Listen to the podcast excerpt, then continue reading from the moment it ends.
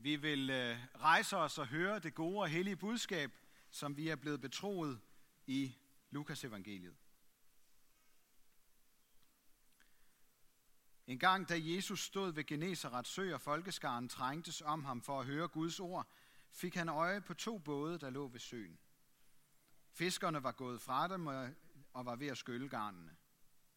Så gik han op i en af bådene, den der tilhørte Simon, og bad ham lægge lidt fra land. Så satte han sig og underviste skarne fra båden. Da han holdt op med at tale, sagde han til Simon, Læg ud på dybet og kast jeres garn ud til fangst. Men Simon svarede, Mester, vi har slidt hele natten og ingenting fået. Men på dit ord vil jeg kaste garnene ud.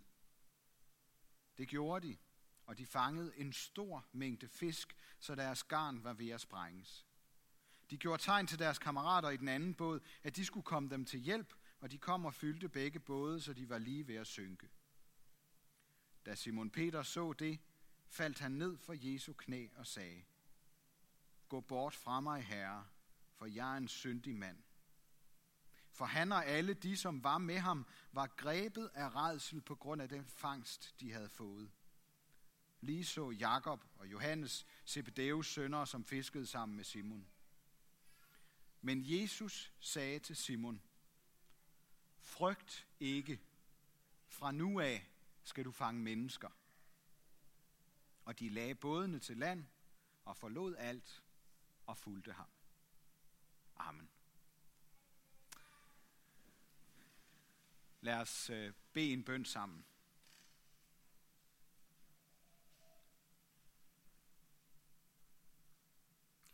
Tak, Jesus, fordi du siger til os, at vi ikke skal være bange, selvom der ellers kan være mange ting, vi kan frygte for.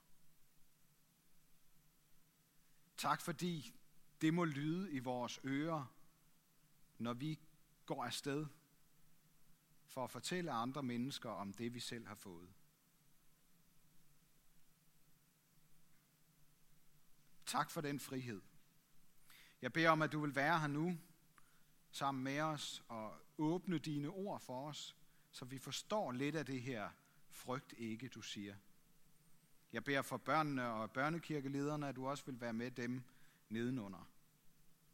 Lad dem også møde dig som en, man kan frygte og elske, fordi du er den, du er. Amen.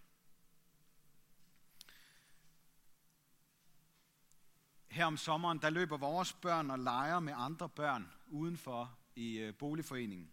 Det gør de hver eneste dag.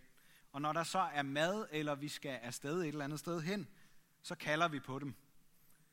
Og som regel, så kalder vi mere end en gang. Det er fordi, de skal lige lege lidt mere, og øh, så er der også et eller andet med, at de hører dårligere, når de ikke rigtig vil høre, at der bliver kaldt på dem. Og de ved godt, at vi bliver irriteret, hvis de ikke kommer, når vi kalder. Men de er ikke bange for os, fordi de også godt ved, at vi elsker dem, og vi vil dem det bedste. Og Gud er først og fremmest som en far for os. Ham skal vi ikke være bange for. Men vi skal vise ham ærefrygt. Ikke fordi vi frygter for, hvad han kan finde på, men fordi vi kender ham som en, der elsker os og vil os det bedste. Sådan som jeg hører de tre bibelafsnit, øh, I også har hørt her i formiddag, så handler de alle tre om Guds frygt. Om at have ærefrygt for Gud og ikke være bange for mennesker. Og både Esajas og Peter bliver kaldt ind i en relation med Gud, hvor frygten bliver drevet ud. Der er jo ellers meget, vi kan være bange for. Også ud over, hvis vi bekymrer os om terror og forskellige ting, som sådan sker rundt omkring i verden. Vi kan være bange for det der med at komme til at stå uden for et fællesskabet. At vi føler os isoleret eller alene. Eller måske det, at vi ikke rigtig slår til og kan det, vi gerne vil kunne, og kan hvile i det. Eller måske, at vi simpelthen er bange for at dø. Når vi bliver ramt af de her menneskelige grundfølelser af frygt, eller måske ligefrem angst, så kobler vi det let sammen med en frygt for Gud. At han ikke kan rumme mig med alt det, jeg er fuld af lige nu.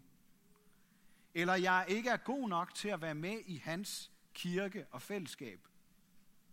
Eller måske en frygt for, at jeg går min egen vej og synder på en måde, så jeg bliver ramt af Guds straf. Er vi ikke ramt af en frygt for Gud, så er det måske mere frygten for mennesker, der griber os. Hvad vil de andre tænke om mig, hvis jeg tager mod til mig og påtaler det forkerte? Hvad mister jeg, hvis jeg toner rent flag? Vil jeg blive taget alvorligt, hvis jeg fortæller om, hvad Jesus betyder for mig? Og er jeg egentlig parat til, eller overhovedet interesseret i, at møde modstand og uvilje for min tros skyld? Jeg er overbevist om, at det kun er ægte Guds frygt, der kan befri os fra at være bange. For hvis vi holder vores mund om troen på Gud og altid pleaser andre, så er vi i virkeligheden fanget af menneskefrygt. Og hvis vi hele tiden kæmper for at blive gode nok til, at Gud vil have med os at gøre, så er det frygten for Gud, der fylder os.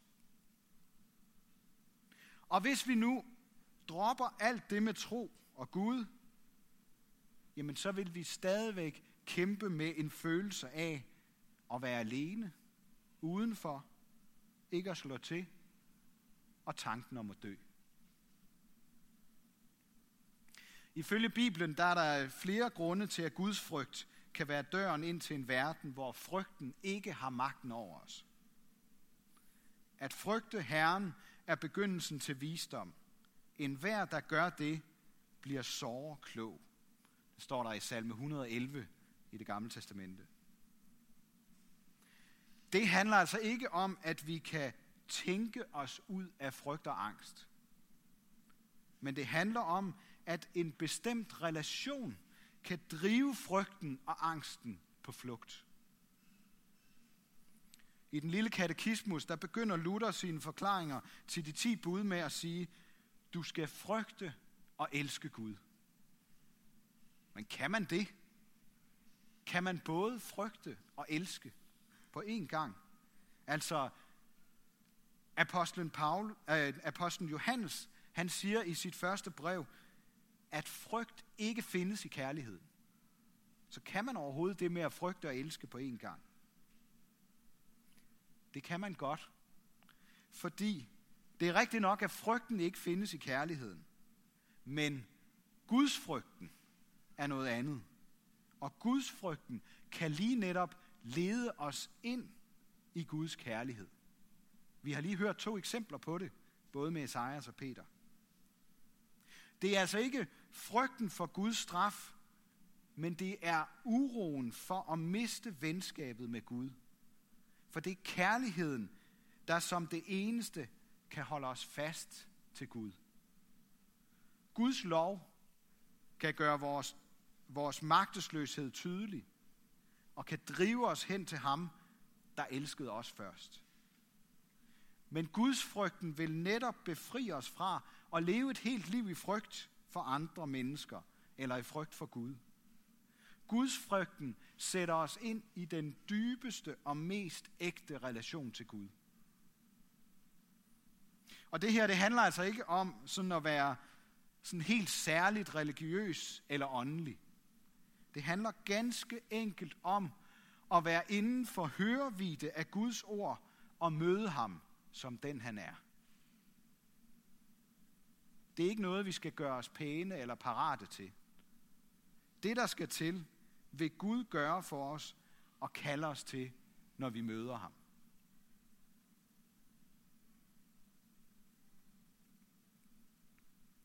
Profeten Esajas, han så Gud sidde på en trone som en konge.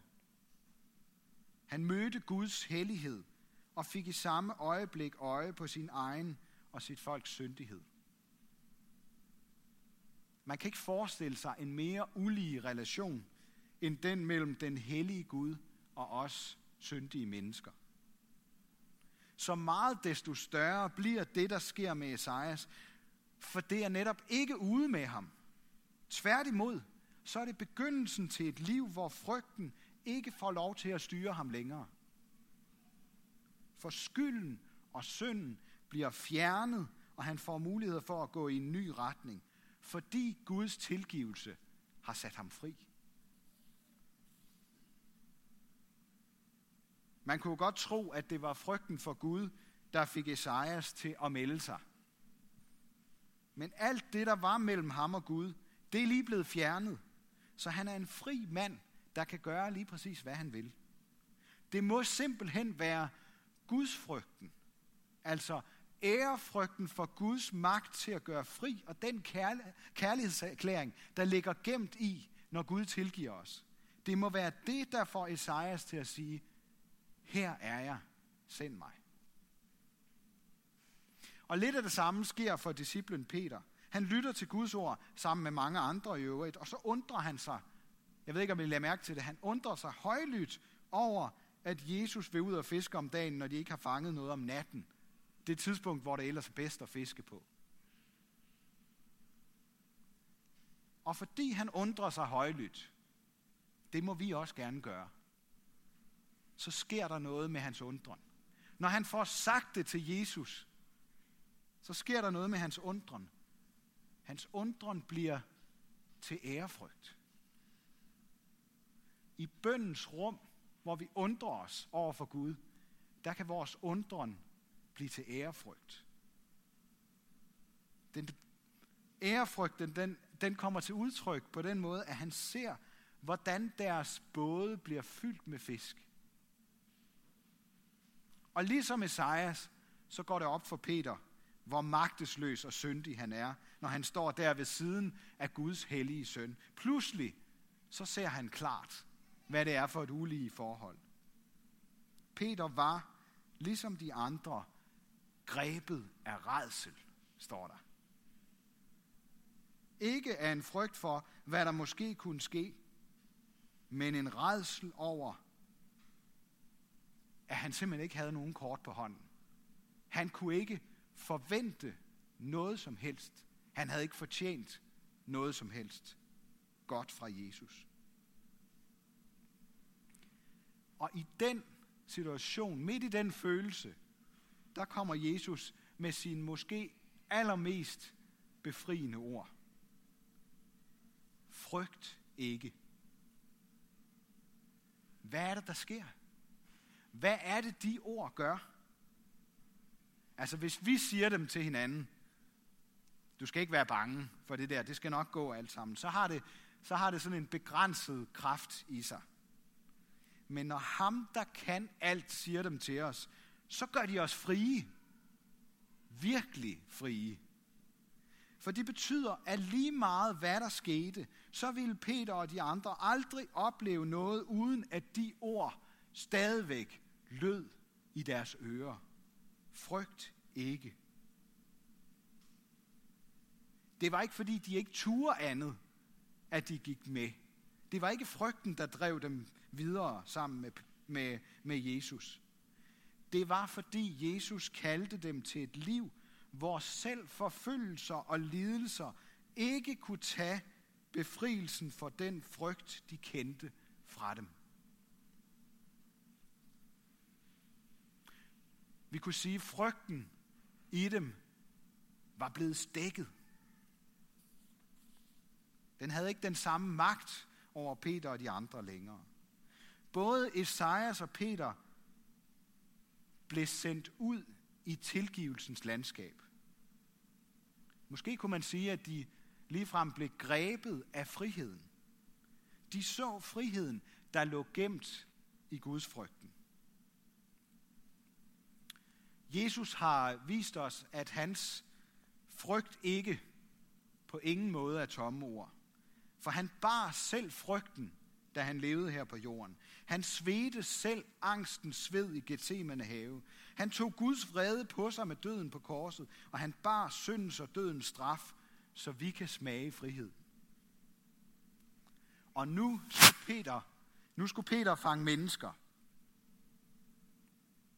Og det kan også lidt ligesom Guds frygt, ordet Guds frygt, lyde så negativt i vores ører. Men jeg tror, han og disciplene blev fanget af noget, som de for alt i verden ikke ville slippe igen.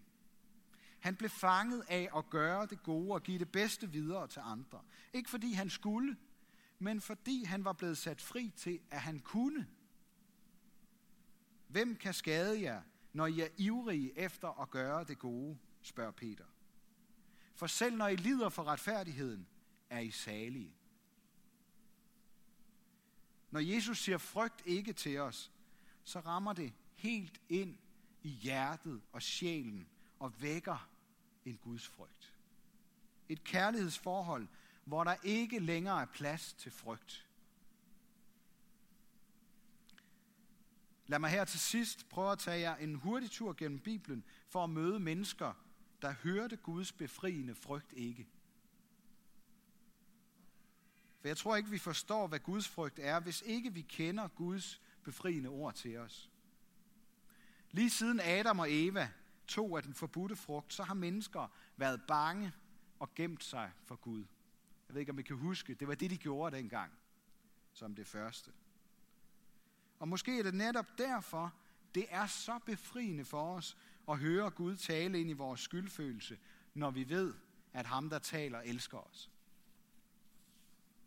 Gud sagde det til Abraham, selvom han vidste, at han var bange for at miste sin kone, og måske aldrig ville få en søn. Frygt ikke, Abraham. Jeg er dit skjold. Din løn skal blive stor. Selv da Guds eget folk, som han havde befriet fra Ægyptens slaveri og ført til et dejligt land, havde valgt at få en konge, en jordisk konge i stedet for Gud, så siger han til dem gennem profeten Samuel, frygt ikke, fordi I har gjort det onde. I må ikke vige fra Herren, men skal tjene ham af hele jeres hjerte. Det er Guds frygt. At tjene Gud af hele sit hjerte, selvom vi har gjort det onde. Senere så siger profeten Elisa til Israels konge, der er omringet af fjendens her, frygt ikke, der er flere på vores side end deres.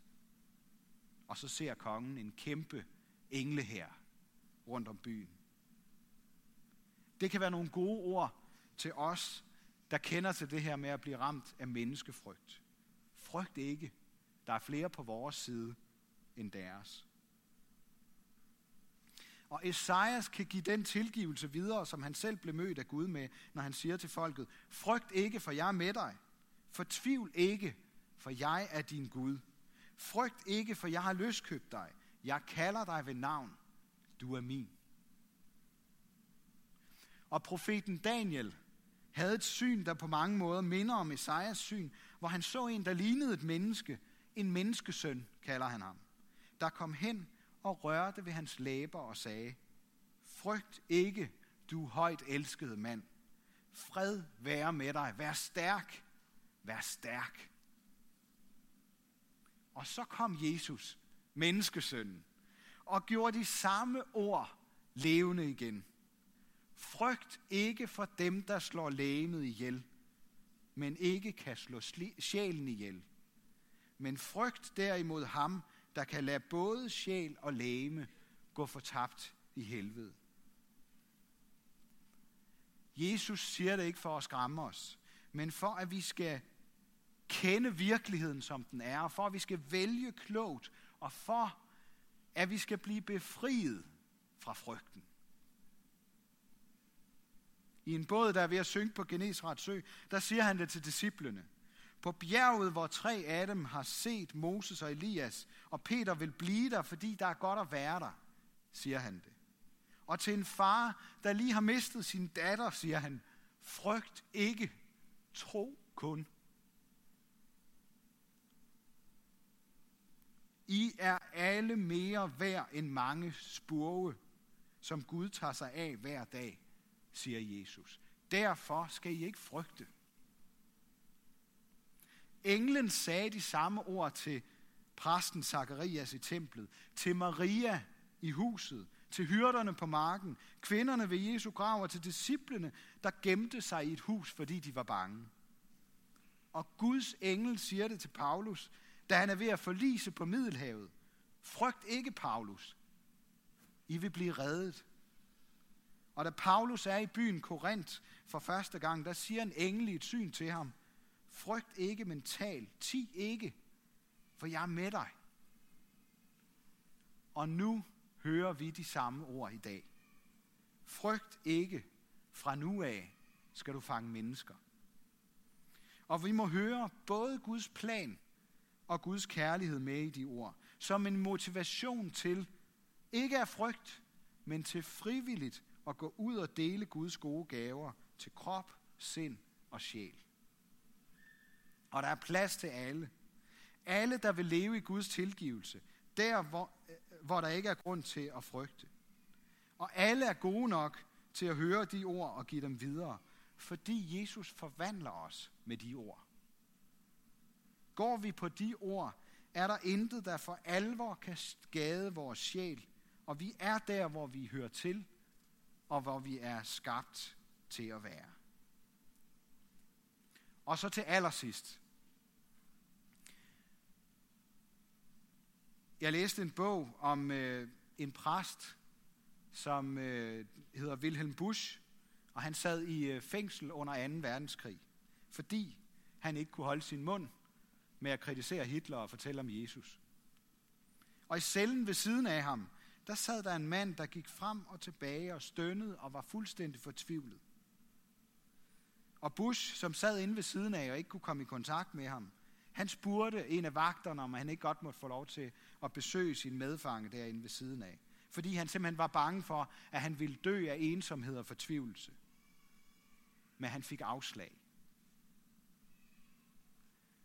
Wilhelm Busch havde selv Guds fred, sådan fortæller han det. Han følte sig ikke alene, for Jesus var der inde i cellen hos ham. Hans ord, frygt ikke, fyldte hele fængselscellen. Og han ville bare sådan ønske, at han kunne lave hul i muren ind til den anden. Og på samme måde, så skriver han, at det er Guds højeste ønske, at han kan bryde hul ind gennem vores mur af skyld og frygt og uvidenhed. Og det er hans ønske, at vi skal bryde hul igennem muren ind til andre mennesker og fortælle dem om befrielsen fra frygten. Og fortælle de her ord fra Jesus videre. Frygt ikke. Det hul i muren, det skal vi ikke selv slå. Det blev slået, da Jesus blev menneske og kom ind i vores verden. Og ensomheden og fortvivlelsen i vores liv blev gået i møde af Jesu ord, frygt ikke. Hør de ord, og tag dem med dig til de mennesker, som Jesus sender dig til. Der er ingen andre ord, der vækker mod, frihed og Guds frygt, som de ord. Frygt ikke. Ære være Gud, vores far, der har skabt os i sit billede. Ære være Guds søn, der tog vores straf, så vi kan slippe fri. Ære være Helligånden, ham der gør Guds kærlighed levende for os.